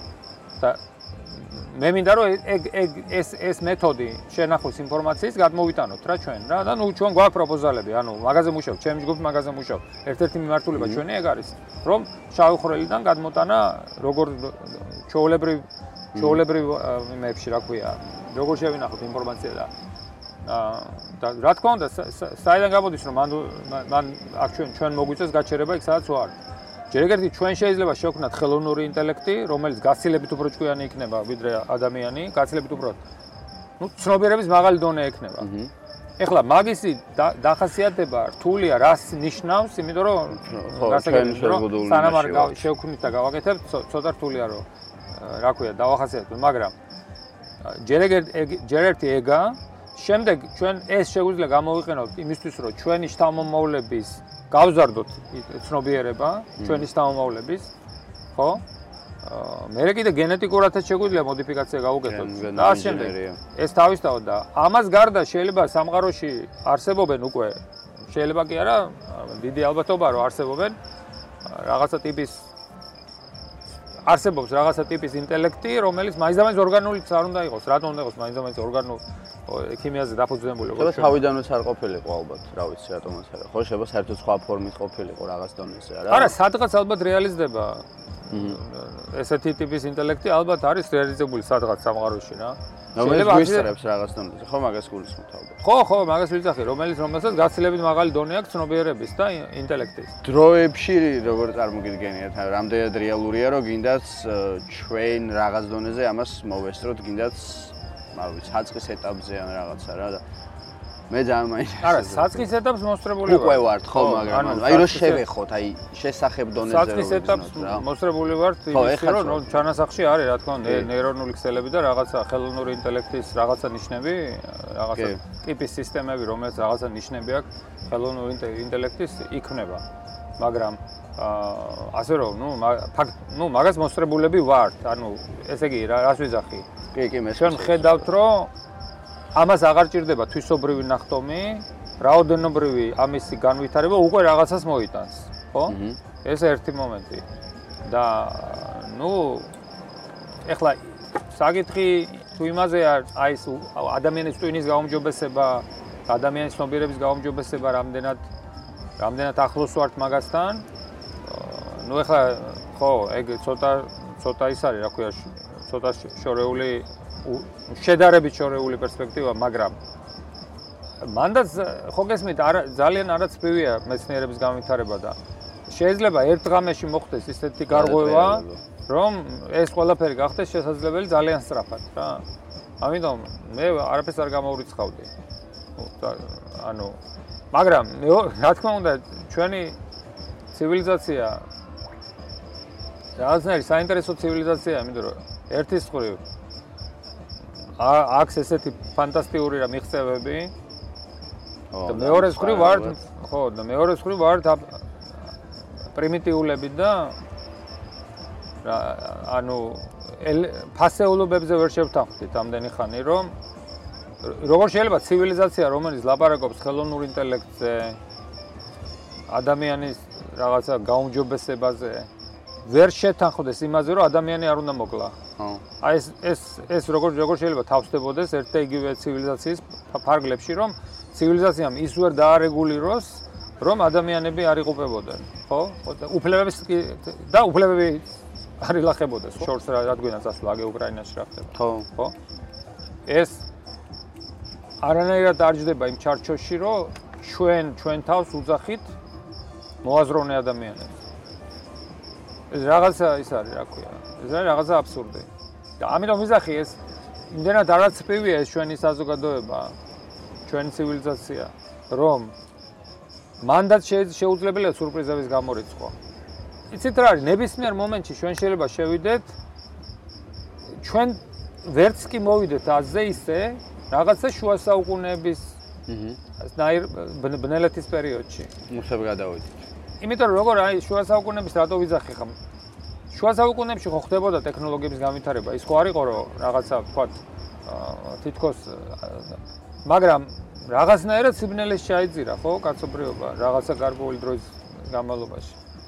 არის ხალხი ვინც რაღაც მაგალითად რაღაცა ლექსებს კითხულობს, რაღაცა იმაშובה, რაღაც რაღაც თავი რაღაცა ღრმა ინტელექტუალურ პასაჟებში შედის, ასე შემდეგ, ყავს დიდი აუდიტორია, აი, ნუ რადგან შორტ წასვლა შეგიძლიათ YouTube-ზე და იმაზე შეხვიდეთ. და მე გამოვა და იტყვის, რომ უკრაინის ბრალი იყო ომი. ანუ ხო გესმით არა? და ეს ხო და ბნელეთი ეს არის, მეტი გერაფერი. რაღაც ელემენტარული, ესე იგი, რაღაცა შეიძლება იმდენად ჩაგითრიოს ამ რაღაცა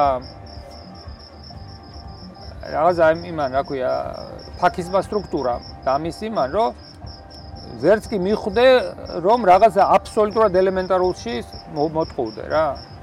ესე იგი, შენ შეიძლება რაღაცა კოშკები ააშენო ლოგიკის იმის, ამის იქ ბიბლია ბიბლია მოიყვანო და მე მე თქვა რომ სხორპლის ბრალია რომ სხორპლია. ხო გესმით არა? ხო და ესეთი და ეს ამას რა თუნდა YouTube-ი რო გაშალოთ იმისთან იმისთან ხალხმა გამოთქვა ეს აზრი რომ საერთოდ არანაირ პროპორციაში არ ჯდება. და ეხლა ჩვენ ცივილიზაცია ხო არა რაღაც განყენებული, ხო? აი ამ რაღაც ამისგან შევდგებით, ხო? ანუ ხალხი, ვისაც ეს ხალხი, ვისაც რაღაც ავტორიტეტი აქვს, ის აქეთ და ამ შემდეგ და ამიტომ მან ძალიან რთულია გათვლა რა. ხო, ანუ მე მაგას ცოტა ისე უყურებ რა, არ ვიცი, შეიძლება ცოტა ესკაპიზმში მივდივარ ხოლმე მაგ დროს, მაგრამ ანუ აი რეალურად ჩვენი სახეობა ხო ისე ვის არის ფუნდამენტურად, რომელიც იყო გამოქვაბულში მაგალითად და რა ვიცი, ანუ ვიღაცა შემოდიოდა უცხო, იღებდა ქვას და რა თავს ესხმოდა, იმიტომ რომ მისთვის შეიძლება უცხო აპრიორი ასოცირდებოდეს თავდასხმასთან, რაღაც კონკურენციასთან, რაღაც წარქმევასთან და დღეს ხო იგივე ინსტინქტებით იგივე ყველაფერით ვზივართ და გვაქვს სიტყვაზე ატომური შეიარაღება და ანუ გვაქვს კომპლექსური კომუნიკაციები ურთიერთობები, მაგრამ ფუნდამენტურ დონეზე სახეობა იგივეა და აი მე მანდ მაქვს ხოლმე პრობლემა რომ შეიძლება არა მარტო იმაში იყოს პრობლემა რომ აი გინდა თუ არა ხვალ ტვინი უნდა შეიცვალოს რომ რაღაც უფრო უკეთესე დავფიქრეთ. არამედ შეიძლება აი არ ვიცი ხა ეს ბუნებას თავისი კანონები აქვს არ ვიტყვი მაგრამ ანუ რთულია რომ ანუ იგივე არსება მოკლედ იმის თქმა მინდა რომელსაც ქონდა გამოქვაბულში და მისი მაქსიმუმი ლიმიტი აგრესია როცა გამოვიდა და იყო რომ ქვაესროლა ვიღაცისთვის შეეძლოს რაღაცის ყვანის განადგურება. ამიტომ მგონია რომ რაღაც დონეზე ეს სახეობა მალე უნდა შეიცვალოს საკუთარი თავი რაღაც დონეზე უნდა შეცვალოს. რა გინდათ აი ეს ინსტინქტები რაც უფრო არის დაკავშირებული იმ იმ იმ იმ სახის აგრესიასთან რა. მე არ ვამბობ რომ აგრესია უნდა გაკეთდეს არავინ არ იცის რა სახის აგრესია შეიძლება კონდეს მომავალში სიტყვაზე იმას რაც იქნება მაგრამ მე მაინც მგონია რომ ურთიერთშეუთავსებულობაა, როდესაც ესეთი არსება იხა დგას და ლაპარაკობს, მოდი მარსზე წავალ და ეხა მასკირობ და იქ ატომურ ბომბს ჩამოვაგდებ და რაღაცა გადავლენ და ახალი ადამიანები იცხოვრებიან. ანუ ძალიან რთულია რომ იგივე არის სინამდვილეში, ხო, ფუნდამენტური ის ადამიანი რომ გამოიყვანო, გამოქვაბულა და გაგეზარდა ჩვენს რეალობაში, იგივე იქნებოდა, იგივე გაიზრდებოდა. იქ ლაპარაკებდა რა კვანტურ მექანიკაზე. ხო, ვილაპარაკოთ მაგაზე. ვილაპარაკოთ მაგაზე. ანუ ადამიანის ქცევა და ტვინი და ეს არის კომპლექსური მოვლენა, ხო? ყველანაირ რაღაცა საქციელს აქვს უამრავი ფაქტორი, რომელიც განაპირობებს, ხო? ну, მათ შორის ომს, აგრესიას, თავდასხმას ასე შემდეგ. ну, რა თქმა უნდა, ეს რაღაცა ამაში დევს რაღაცა ევოლუციური ფაქტორები.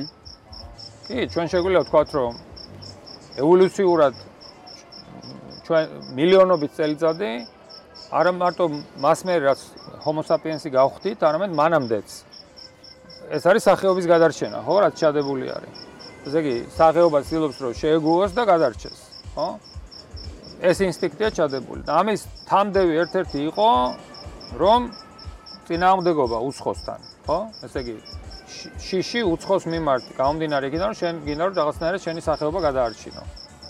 ну ხო, არის ასე ვთქვათ, რაღაცა ევოლუციური ფაქტორის იმაში, რა თქმა უნდა, აგრესიაში შენ შეგიძლია რაღაცა ყოველთვის რაღაცა ევოლუციური ფაქტორი მონახო, რა თქმა უნდა, ხო?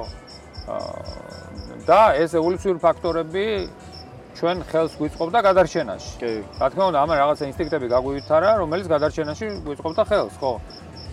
იმ იმ პერიოდში და იმ მოცემულობაში ის რომ შენ ნებისმიერ უცხოს განიხილავდი როგორც საშიშროებას, ეს რა თქმა უნდა, შენ გადარჩენაში გეხმარებოდა. ბუნებრივად. აბსოლუტურად სწორია.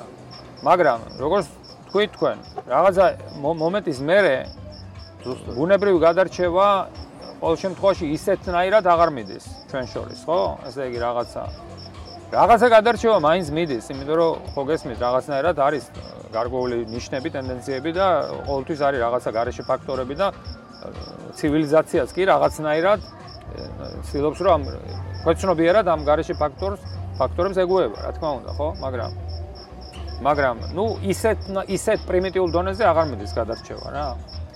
ესე იგი, რაღაცნაირად ჩვენი ტვინი დასტაბილურდა, იმ თითქოს hardware და ჩვენი ტვინის hardware დასტაბილურდა.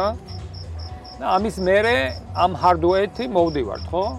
და ვცდილობთ ახლა განვივითაროთ software განვივითაროთ რა. ესე იგი, ეს hardware გვაქვს, რაც გვაქვს.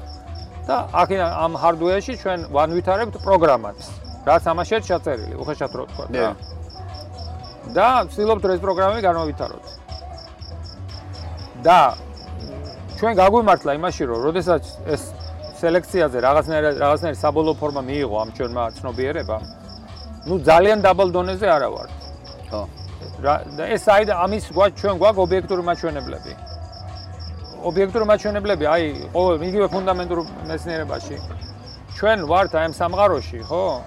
რომელსაც რომელიც აი ეს უკიდეგანო სამყარო ჩვენ twins აქ საშუალება და აქვს ძალა რო აღიქვას საიდან ვიცით რომ ძალა აქ რო აგიხვას? იმიტომ რომ ჩვენ მატვირმა შეიძლება გადაამუშაოს ეს ინფორმაცია და ისეთი წინასწარმეტყველებები გამოსცეს, რაც მე შემოწმებადია. ანუ ჩვენ ვიცით რომ ეს ჩვენი წარმოადგენები სამყაროზე რაღაცა ფანტაზიები კი არ არის.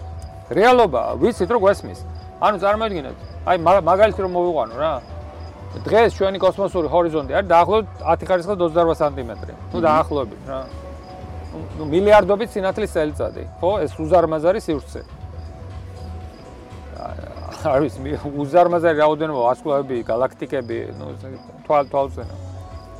თელი ეს სივრცე წარმოიშვა ვიცით რომ თელი ეს სივრცე არსებობდა ერთ პატარა მონაკვეთში სივრცე სივრცის მონაკვეთში რომელიც ზომა იყო დაახლოებით 10 ხარისხად -25 სანტიმეტრი აი ეს რაღაც ეგეთი რა აი ეს რო ვთქვი რომ ადამიანის ტვინის ხელა ის ხო აი იქიდან მოვდივართ მთელი სამყარო. ის კი არა. ანუ მათ შორის სამყარო კვანტური უნდა ყოფილიყო თავიდან. რა თქმა უნდა, თავიდან ის არა. სამყარო საკმაოდ კლასიკური იყო იმ დონეზე უკვე ისეთი სამყარო ისე საკმაოდ კლასიკური, მაგრამ კვანტურმა ეფექტებად ძალიან დიდი როლი ითამაშა იქ. მაგალითად კვანტური ფლუქტუაციები იყო, რომელმაც შემდეგ ეს აი ჩვენი galaktikები და ასე შემდეგ წარმოშვა, იმიტომ რომ სამყარო იქიდან გამოსული მაგას ქვია ეგრესორი ინფლაციური სტადია. ხო. ინფლაციიდან გამოსული სამყარო იყო საოცრად ერთგვაროვანი. და ზუსტად კვანტურა მექანიკა მითამაშა იქ როლი, რომ არაერთგვაროვნები გაჩნდა. ანუ მუსიკა, მუსიკა ჩაიწერა ადრეულ სამყაროში კვანტური მუსიკა, რომელიც მე გაკლასიკურდა, იმიტომ რომ გაიწელა რა. და ჩვენი თელი ეს galaktikები და ყველაფერი სადაც ჩვენ ჩვენ ვარ ეს წარმოიშვა მაგ მაგ ფლუქტუაციაზე. და მე რას ვიზახი რა, რატომ მომყავს მე რომ ვიზახი რომ ადამიანის ტვინის აქ ერთის მხრივ რაღაცა საოცარი შესაძლებლობა, იმიტომ რომ დღეს მაგალითად კოსმოლოგიის კოსმოლოგიის პროფესორს შეუძლია რომ ეს სპექტრი ამ ფლუქტუაციების დაფაზე გამოიყვანოს. ანუ ხელით კომპიუტერი საჭირდება. არ არის საჭირო კომპიუტერი. სარცი რომ მომცეთ დაფაზე გამოვიყვან აი ამ ფლუქტუაციების სპექტრს. რომელიც მოდის იქიდან, როდესაც ეს თელი ეს სამყარო იყო აი ამ აი ამ ზომის 10 ხარისხი 25 სანტიმეტრი, ხო, გასაგებია. ანუ ამიტომ ესე იგი ერთის მხრივ იმაზე წუწუნი რომ ჩვენი ტვინი პრიმიტიულია. მაგრა გაგვიმართლა ჩვენ რომ ჩვენი ევოლუციით იმ დონეზე სანამ ევოლუციაში გადარჩევა შეწყდებოდა საკმაოდ დიდი ჰარდვეა მივიღეთ რა. ამიტომ მაგაზე დაბრალება რომ ჩვენი ევოლუცია ევოლუციიდან მოვდივართ ესე და აგრესია გვაქვს და ისა მე ვთვლი რომ ეს არ არის არა ერთ შაგეს იმას ვამ ანუ არ ვაბრალებ რო გგონია რომ ამ ეტაპზე საშიშია. არა გავიგე მაგრამ მან თქო ლაპარაკი რაზე არის ესე იგი მან ჩვენ შეგვიძლია ესე ვთქვათ რომ კი ბატონო ჩვენ უნდა hardware გავაუმჯობესოთ მანამდე არაფერი არ გვეშველება. ხო. ეს არის ერთი მიდგომა ხო?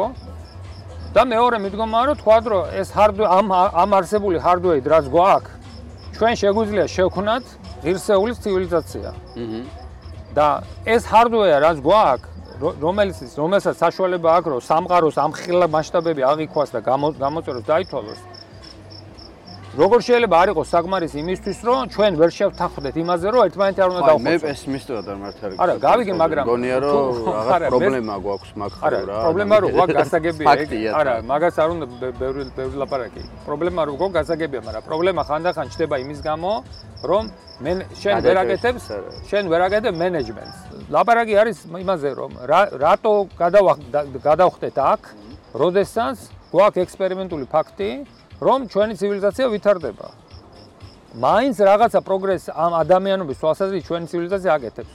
მაგალითად არ ხო მაგალითად ადამიანის უფლებების დეკლარაცია ხო ხო რაღაცა დეკლარირებულად მაინც ხვდებით რომ კარგი რა არის ცუდი რა არის ხო ისინიც კი ვინც უზურპაციას აკეთებენ ძალაუფლების ისინიც კი ისინიც კი არავინ არ იძახის რომ მე არ მინდა ეს. იძახიან რომ კი კი მეც ამას ვემსახურები მეც ამას ვიცავ. ოღონდ იქ რაღაცა ჩახლაპორტებული თეორიები აქვს რომ ან რაღაცა რა ვიცი რაღაცით ამართლებენ ან ან ან დიდი სლავური სახელმწიფო ან ან ან არიული და ამ შემდეგ ხო? რაღაცა. ეს ო ეს ხო ვიცით გავლილი გვაქვს. ყველა რაღაცით ამართლებს. ყველა აკეთებს თვითონ კაცობრიობის უკეთესი რა ის სტალინური რეპრესიები და ისინი რა ქვია ეგეც კოლექტივიზაციები და რა ეგეც იდეაც ხო იყო რომ ეხა ჩვენ უნდა ეს ყველაფერი მომავალი თაობისთვის ხდება. ნუ იქ რა ვიღაცებს შევწირავთ, არ არის პრობლემა. და ასე შემდეგ, ხო? ჩვენ სხვანაირ სხვა დედამიწა არ გაგვაჩნია. არ სხვა სახეობა. სხვა სხვა სხვა სხვა პარტნიორი რა ქვია ცნობიერებაში ჩვენ არ ყავს. ჩვენ გვაქვს რაც გვაქვს და რაც გვაქვს ის არის ძალიან ძლავრი. ანუ ის შესაძლებლობები რაც ჩვენ მოგცა აი ამან ყველაფერმა, ხო? ეს არის უმძლავრესი. იმას რომ დავანებოთ თავი ტრანსცენდენტულ ამბავს. აი, სუბთა იმით რომ ვილაპარაკოთ ევოლუციურად რა. ტრანსცენდენტული კიდე ცალკე ამბავია. ეგ ხო საერთოდ ცალკე მხარე არის. ხო. ხო და მაგრამ აი სუბთა ევოლუციურად რომ ვილაპარაკოთ, ხო? უდიდესი შესაძლებლობები მოგცა. უბრალოდ ის შესაძლებლობები ჩვენში უნდა დავინახოთ. და და ეგ რა ხდება? ეგ ხდება ყოველდღიურობაში, იმიტომ რომ არ შეიძლება ჩვენ ტოლერირება გაუკეთოთ საღი აზრის დამახინჯებას. არ შეიძლება შენ როდესაც ვიღაცა მომღერალი ან ცნობილი პიროვნება ან ვიღაცა გამოდის და იძახის რომ მსხვერპლი არის დამნაშავე, იმიტომ რომ იმიტომ რომ რა ქვია, დაბომბეს, ხო? არ არ შეიძლება რომ ეს გაუტაროთ. ეს ეს არ შეიძლება, იმიტომ რომ ეს ეწინააღმდეგება საღაზრს. ზუსტად იმას ეწინააღმდეგება, რა რამაც ჩვენ გადაგვარჩინებთ გამოხაბულებიდან და იქიდან, რომ მოვდიოდით, ხო? საღაზრი რა ქონდა, ჩვენ ვერ გადავრჩებოდეთ. და ესეთი ტიპის ბჯელობები ცდილობენ რომ საღი აზრი ჩაანაცვლონ რაღაცა ვითომ რაღაცა დეკორირებული რაღაცა ფსევდო ფილოსოფიით. აი მაგალითად დრო ავიღოთ, წარმოვიდგინოთ ფუნდამენტური შეკითხვები რა, ამ სამყაროში რაც არის. აი მაგალითად რა შეიძლება იყოს უსასრულო? რა შეიძლება იყოს არაფრისგან სამყაროს გაჩენა. ან მე როდესაც ეს რაღაცებზე ვფიქრობ, მე ეს რაღაცებზე ვკითხები, ძალიან მიყვარს. მაგრამ პრობლემა არის ხოლმე ის, რომ მე საბოლოოდ მივდივარ იმ ჭიხში, აი ხო აი მე ხდება წარმოვიდგინე, რომ არსებობს ზღვის იქით ას ვერ ხარ. რაღაც წარმოვიდგინე. მაგრამ მე ვხედავ რომ ჩემს წინში პრობლემები ფუნდამენტურ დონეზე არის. როდესაც ვაწყებ ფუნდამენტურობას, ანუ აი უსასრულო სამყარო პირობებს. ჩემი ტვინი არა ის რომ ვარიანტებს მთავაზობ, საერთოდ პასუხი არ გააჩნია რა. ანუ ვერ მეუბნება როგორ შეიძლება არაფერსგან რაღაც გააჩნდეს. როგორ შეიძლება მაგალითად სამყარო თუ ოდესღაც არ არსებობდა გაჩენილიყო, ან პირიქით სულ ყოფილიყო მაგალითად რა. ან შეიძლება იყოს სიუცესო. ანუ აზუხე ვერსიებიც არ მაქვს რა. ნებისმიერი ადამიანი, ხო? ეს არის ჩვენი ბუნება ადამიანების, ხო? რომ ჩვენ ვცდილობ რომ სამყარო გავიგოთ. იმიტომ რომ ეგრე ვართ მოწყობილები, ესე ვართ მოწყობილები, მოწყობილი. ეს გვაქვს თანდაყოლი ცნობის მოყარეობა, ჯერ ეგერთი და მეორეს ერთი ეს არის ასევე გადარჩენის ინსტინქტი. იმიტომ რომ გამოქვაბულიდან რომ გამოდიხარ შენ, შენ უნდა იცოდე ის რა რა რატო ფუნქციონირებს, რა არის მიზეშედეგობრივი კავშირი და ასე შემდეგ, ხო? ასევე იმისთვის რომ გადარჩე. ანუ ეს არის ჩვენი თანდაყოლილი, ჩვენი ბუნება, რომ ჩვენ გვინდა რომ გავიგოთ შევიმესოთ სამყარო და შევემესნოთ ჩვენი როლი სამყაროში. ეხლა ამ ამ კითხების რეალიზებას ადამიანი სხვადასხვანაირად აგერ. რა თქმა უნდა, ჯერგერთ ეს არის ძალიან ინდივიდუალური, ეს კი რა თქმა უნდა, ნებისმიერ ადამიანს თავის თავისი თავის წარმოქმნა აქვს და თავისი კითხვა აქვს და ასე შემდეგ, ხო? მაგრამ რაღაცა დისციპლინები ჩამოყალიბდა. რაღაცა ასე ვიტყოდი და რაღაცა ჩარჩოები, რაღაცა ფრეიმვორკები ჩამოყალიბდა, რომელიც არ არის ურთიერთგამომრიცხავი.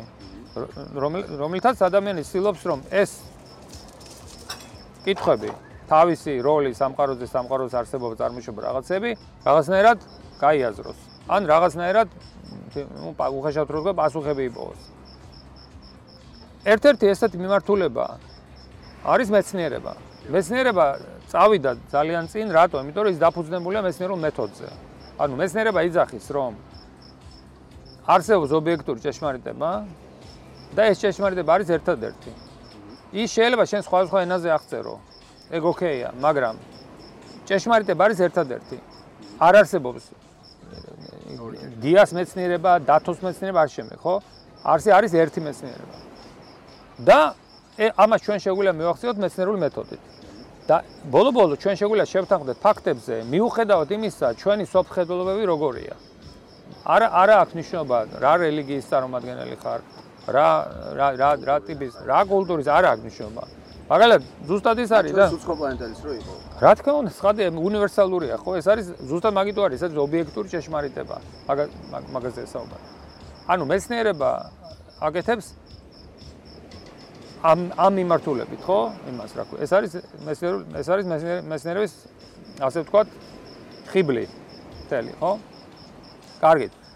ეხლა თქვენ გინდათ რომ ანუ აი ესე იგი აი ამ ფრეიმვორკში ესე იგი, როდესაც არის მეცნიერება და ამავე დროს არის პარალელური დისციპლინები, რა თქმა უნდა.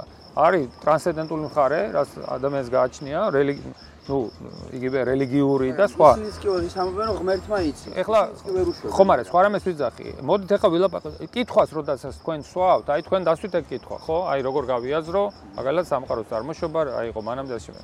კითხვის დასმა ყოველთვის ხდება რაღაც ფრეიმვორკში. თქვენ შეუძლებელია კითხვა დასვათ ფრეიმვორკის მიღმა. იმიტომ რომ მაშინ პასუხის განუსაზღვრელია, ხო გესმით? ესე იგი, რახან დღეს საუბარი გვაქვს მეცნიერებაზე? ეს კითხვები ჩვენ შეგვიძლია დავსვათ მეცნიერულ ფრეიმვორკში. და მეცნიერულ ფრეიმვორკში ეს კითხვები დასმულია, ჩვენ მაგაზე მუშაობთ და გააზრებული გვაქვს. ანუ ჩვენ ვიცით რას ნიშნავს მაგალითად სამყაროს, როდესაც ვლაპარაკობთ სამყაროს წარმოშობაზე არაფრისგან, როგორც მეცნიერულ ჰიპოთეზა, ეს გვესმის ჩვენ რას ნიშნავს. ხო? ეხლა ლაპარაკი, როდესაც თქვენ ლაპარაკობთ წარმოდგენაზე. აი რას ნიშნავს წარმოდგენა? აი მაგალითად, სიტყვაზე დავუშვით ავიღოთ დამატებითი განზომილება, ხო? ჩვენ ამ დამატებითი განზომილებებზე შეგვიძლია წერთ მეცნიერულ თეორიებს. მეცნიერულ თეორია რას ნიშნავს? ეს არის ეს უბრალოდ ის კი არის რაღაცა ასე ვთქვათ სურვილების სია. ეს არის კაცრად ჩამოყალიბებული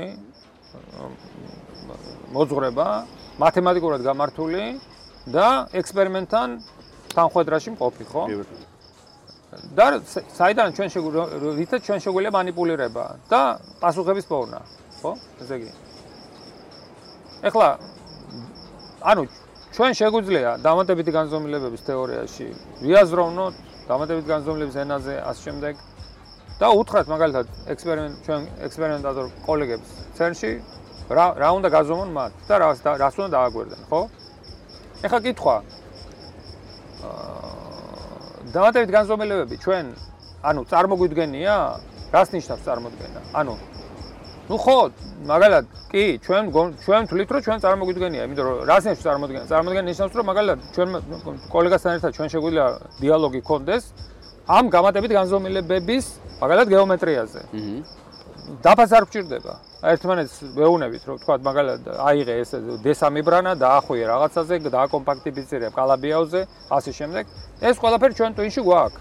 ეხლა ვიზუალიზაცია ჩემთვის ეგ არის. ანუ მაგრამ ეს ხო არ მოდის ერთ დღეში. ანუ ეს ეს არის დაახლოებით იგივე რომ თქვენ რა რა ქვია წლობის ესე იგი წლების განმავლობაში ეს მოდის უამრავი მათემატიკური და ამოცანების ამოხსნით, ამის ვიზუალიზაციის, ამაზე ლაპარაკის. ну, აი რაღაცნაირად შეგიძლია თქვენ თქვათ, რომ ეს არის რაღაცა მედიტაციის მეცნიერული მედიტაციის რაღაცა მრავალი წელია, რის მეცნიერს გეხსნებათ რა. ანუ ამის ვიზუალიზაცია ესე ხდება. და ну შესაბამისად, ეხლა მე რო მაგალითად დღეს ქუჩაში შევხვდე ვიღაცას და უთხრა რომ იცით მე მაქს თეორია დამატებით განზომილებებზე და ასე ისე და ამ ადამიანმა შეიძლება საერთოდ ვერაფერი არ წარმოიდგინოს, მაგრამ ეს ხო არაფერს არ ნიშნავს. ეს უბრალოდ იმიტომ რომ მას არ გაუულია მთელი ეს ასე ვთქვათ, რა ვიცი რა დავარქვა მაგას, ეს მთელი ეს პროცესი, ხო? მრავალწლიანი დღე და ღამე ამაზე ფიქრი. და მე რაღაცნაირად ტვინი ამას ეწყობა და რაღაცნაირად ტვინი გაძლევთ მე იმის საშუალებას რომ ეს ეს სურათება დაალაგოთ რა ანუ მაგას ვიძახი და შესაბამისად წარმოსახვა ესე ხდება. ასევე არის მაგალითად იგივე სამყაროს წარმოშობა არაფრისგან როდესაც არის როდესაც მე ვლაპარაკობ სამყაროს წარმოშობაზე არაფრისგან მე იმენაზე ვლაპარაკობ რაც რაც არის ამისთვის მისადაგებული. ისე იგივე ვიზახი მეცნიერულ ჩარჩოში მეცნიერული ენა კვანტური ფიზიკის დონეზე და მან მაგ ენაზე თვით ამომწურავია ამ ეს ეს ეს წარმოსახვა. ძლებადია რომ წარმოვიდგინოთ არაფერთან. არა რა თქმა უნდა კიდე მაგას ვიზახი ანუ წარმოდგენას როდესაც ლაბარაკობთ ანუ წარმოდგენა რას ნიშნავს უყურეთ წარმოდგენა ნიშნავს რომ მე თქვენ გითხარით რაღაცა სიტყვები და თქვენ ამ სიტყვებს უკეთებთ პროექცირებას რაღაცაზე, რომელიც არის თქვენთვის შობლიური. ეს არის წარმოქმნის პროცესი, ხო? მაგალითად, თქვენ რომ მეტყვით მე ქვა, მე ვიცი ქვა რო წარმოვიდგინო. იმიტომ რომ ეს არის ჩემთვის ნათელი ობიექტი და ამ შემდეგ, ხო? თქვენ რო შეგიძლიათ მაგალითად თქვენ რო წარმოვიდგინოთ რაღაცა მაგალითად რაღაცა კონცეფცია მითხრათ, გავუშვათ შერკინება ვიღაცა ვებხვის და მოყმის. მაგის წარმოქმნას შეგიძლიათ, ხო? იმიტომ რომ ეს არის ასე ვთქვათ, ანუ წარმოსახვა ეს არის ყოველთვის რაღაცა შინაგან ენაზე პროექცირება ცნების, ხო? და მე როდესაც ლაპარაკობ სამყაროს წარმოშობაზე არაფრისგან, მე ამას ამას ეს ამის წარმოსახვას ვაკეთებ ჩემთვის მშობლიურ ენაზე, რომელიც არის კვანტური ფიზიკის ენა. რომელიც ჩემთვის ისეთივე მშობლიურია, როგორც ეს ხვა რო აგდებს. აი გასაგები არის თქვა მინდა? ანუ არანაირი განსხვავება მაგ თვალსაზრისით არ არის. არსებობს რაღაცა მშობლიური ენა. იმ ენაში შეიძლება იყოს მაგალითად. რა თქმა უნდა, იმიტომ რომ წარმოქმნა ყოველთვის რაღაცა ენას მოიცავს. აბსტრაქტულად შეუძლებელია. წარმოქმნა ნიშნავს, რომ თქვენ რაღაცა რაღაცა იმიჯებზე აპროექცირებთ იმ იმიჯებზე, რაც თქვენთვის არის გასაგები. და მესმის, ეგ მესმის. ხო. ეხლა რას ურის რას ლაპარაკობ? მე ვიძახ შემდეგ რაღაცას რომ. როდესაც ჩვენ ლაპარაკი გვაქვს სამყაროს წარმოშობაზე არაფრისგან, ვინაიდან ამ ეს არის ამოცანა დასმული და ჰიპოთეზა დასმული მეცნიერულ ჩარჩოში შესაბამისად რა თქმა უნდა მთელი ჩემი აზროვნება აქ გავლილია ამ ჩარჩოში და მე ამას აღვწერ ამენაზე და ეს ენა ჩემთვის მშობლიურია ამიტომ მე მე არანაირი დისკომფორტი მაგაში არ ამაკ მე ისევ ცხადად ხედავ ამას როგორც ამ ქვას ეს არის და ეს არის ამნიშნულოვანი გაზრდობა მაგრამ ის რომ თქვენ არ რაღაცნაირად დისკომფორტს გიქმნის, ეს არაფერს არ ნიშნავს. ეს უბრალოდ იმას იმას ნიშნავს, რომ მე არ მოგწოდი. არა, ხო, უბრალოდ თქვენ უბრალოდ უბრალოდ თქვენ დროის ინვესტიცია არ გაგიკეთებიათ ამ ამ ამ მიმართულებაში, ხო? ეს ზუსტად იგივე ახლა მაგალითად ხალხი არის, ვინც ნოტებს ხედავს პირდაპირ, ხო? ანუ რა ქვია? და ეს ესე იგი ეს ზუსტად იგივე მომენტია, იმ რატო? იმიტომ რომ მთელი ცხოვრება უსმენს მუსიკას, ჯერ ერთი მიდრეკილება აქვს თავიდან, მაგრამ მიდრეკილებაც არა ინტერნეტში მაგისტრალა ყველა შეუულია და შემდეგ ეს ეს ხდება მისთვის ყოველდღიურობა, ყოველდღიური ენა. და მისთვის შობლიური ენაა და შესაბამისად მუსიკა იმას შეუულია ვიზუალიზაცია გაუკეთოს ნოტებს მუსიკას და ასე შემდეგ, ხო? ეგ ზუსტად იგივე ხარ. ვიღაცა ჩემ ჩემნაირისთვის ეს იქნებოდა, ნუ წარმოუდგენელი, ხო? ეს როგორ აკეთებს ადამიანი ამას რა? მაგრამ ეს ზუსტად იგივე მომენტია. ამ აქ არაფერი არ არის განსაკუთრებულობა იმაში, რომ ეს ფიზიკაა თუ არ არის. უბრალოდ ეს ის არის, რაც მე მაინტერესებს წლობის განმავლობაში. და ეს შენა ჩემთვის იმდენად იმდენად შინაგანი და მშობლიურია და ასევე ჩემი კოლეგებისთვის. რომ ჩვენ ერთმანეთთან როცა ვსაუბრობ, დაფა არ გჭირდება. მაგრამ აი ერთ ერთ შეგეკითხებით. შეიძლება კიდე არ მესწრაგეთ და მაგიტომ მაგრამ აი წარმოიდგინე თქვენ ამ კვანტურ მექანიკაზე, კვანტურ კვანტურ ფიზიკაზე, ხო? ხო, ანუ ამით ხედავთ, მაგრამ იმ გაგებით როგორც მე მესმის რომ არაფერი არ იყო თავიდან, კვანტური ფიზიკაც არის. როგორც არა, არა, ფიზიკა არა, უყურე, არა, არა, სხვა რამეს არა, არა, უყურე. არსებობს სამყაროს აღწერა. ხო. რაღაცა ენა. ხო. მე ვიზახი რომ ენას დღესდღეობით ჩვენ რაც ვიცით, რა ენაც გვაქვს. და რა ენაც მუშაობს და არაფერი არ გვიპოვია ისეთი რამ სამენა შეაწინააღმდეგება. ეს არის კვანტური ფიზიკის ენა. კვანტური ფიზიკის ენა მუშაობს. კვანტური ველის თეორია, კვანტური მექანიკაც საწყისი ეტაპი იყო. შესაბამისად, ეს ჰიპოთეზა სამყაროს წარმოშობის არაფრისგან, ეს არის ჰიპოთეზა ამ ფრეიმვორკში. ამ ფრეიმვორკში რას ნიშნავს? ამ ფრეიმვორკში ნიშნავს, რომ კვანტური ფიზიკა ეს არის უბრალოდ ენა მოცემული არაფრისთვისაც და სამყაროსთვისაც. ან არაფერი ამ შემთხვევაში ეს არის გარკვეული მდგომარეობა, კვანტური მდგომარეობა. კვანტური მდგომარეობა. რა თქმა უნდა, კვანტური მდგომარეობა, კვანტურ კვანტურ ფიზიკაში ყველა მდგომარეობა კვანტურია. უბრალოდ ამ კვანტურ მდგომარეობებს შორის არის ერთ-ერთი გამორჩეული მდგომარეობა. კვანტურ მდგომარეობა იყოს რომ იყოს ხო ნაწილაკები ზონეზე რაღაც. არა, დაშვეშეთ ნაწილაკები. კვანტური მდგომარეობა არის კვანტური მდგომარეობა, რომელიც რაღაც რაღაცა იქ რა ნაწილაკები დაღიზერება და შემდეგ ეს კიდე ცალკე ამბავია. ხო, ისიც მაგალითად შეგიძლია. უნდა იყოს მაინც. ნუ შეგიძლია ნაწილაკები დახწეროთ, შეგიძლია ერთის მაგივრად იყოს უსასრულო რაოდენობა ნაწილაკების, მათი ტალღის სიგზე იყოს უსასრულობა და ასე შემდეგ. ანუ ეგ ტექნიკური დეტალებია, მაგაში ნუ ჩავალთ. არის მდგომარეობა, რომელსაც ქვია არაფერი.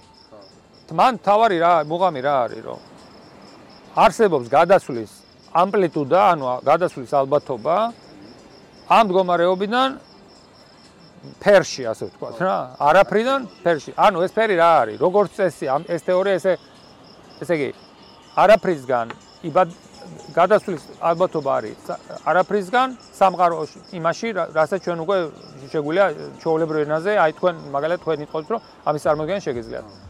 როგორც წესი, აღმოჩნდა, რომ ეს გადასვლის ალბათობები რომ არაფრისგან სამყარო წარმოიშვას, აი ესეთი როგორც დღეს ვნახეთ, ამის ალბათობა არის პრაქტიკულად ნული. ნული არ არის სხვათა შორის. ასე რომ ეხლა პრინციპში შენ შეგიძლიათ თქვენ შეგიძლიათ ყოველთვის თქვათ, რომ შეიძლება აი ეხლა ამ მომენტში გავშდი ჩვენ არაფრისგან, აი როგორც ვართ. ხო. თელი ამ მეხსიერებებით და ასე შემდეგ. ხო, არის ეგეთი. არის არის მაგის ალბათობა, არა ნული. ну ალბათობებზეა ლაპარაკი ხო ალბათობა მაგისი რომ ესე გავჩნდეთ არაფრისგან არის 10 ხარისხად ანუ ესეთ ესეთი ალბათობა ექსპონენტა ხარისხად მინუს 10 ხარისხად 121-ში ანუ ეგ იმდენად პატარა რიცხვია რომ არ არც კი ვიცი რა შეადარო. ფაქტობრივად ნულია ნუ? ანუ ფაქტობრივად მაშინ როდესაც ის იმ ისტორიით გაჩენილ გაჩენა არაფრისგან სადაც ჩვენ მოვდივართ აი პრაქტიკულად ერთიანის რიგის. ანუ ჩვენ გავჩდით იმ ისტორიით რა. რა თქმა უნდა, თლათ არაფერი არ არსებობს. ნუ რახან თქვი მე რომ ის კვანტური მდგომარეობა ის უკვე რაღაცაა, ხო? რა თქმა უნდა, ეს არის კვანტური მდგომარეობა, რომელსაც არაფერს უძახით ჩვენ იმიტომ, რომ მას არ აქვს არანაირი სტანდარტული მახასიათებელი. ოკეი? ეს არის მაგის გამარტება. ესე იგი, არა აქვს, არა აქვს ენერგია, არა აქვს ენტროპია, არა აქვს massa, არა აქვს არაფერი, მოკლედ, ესე იგი, აქვს ყველაფერი აქვს ნული, ასე ვთქვათ. ყველა სტანდარტული მახასიათებელი ნული აქვს.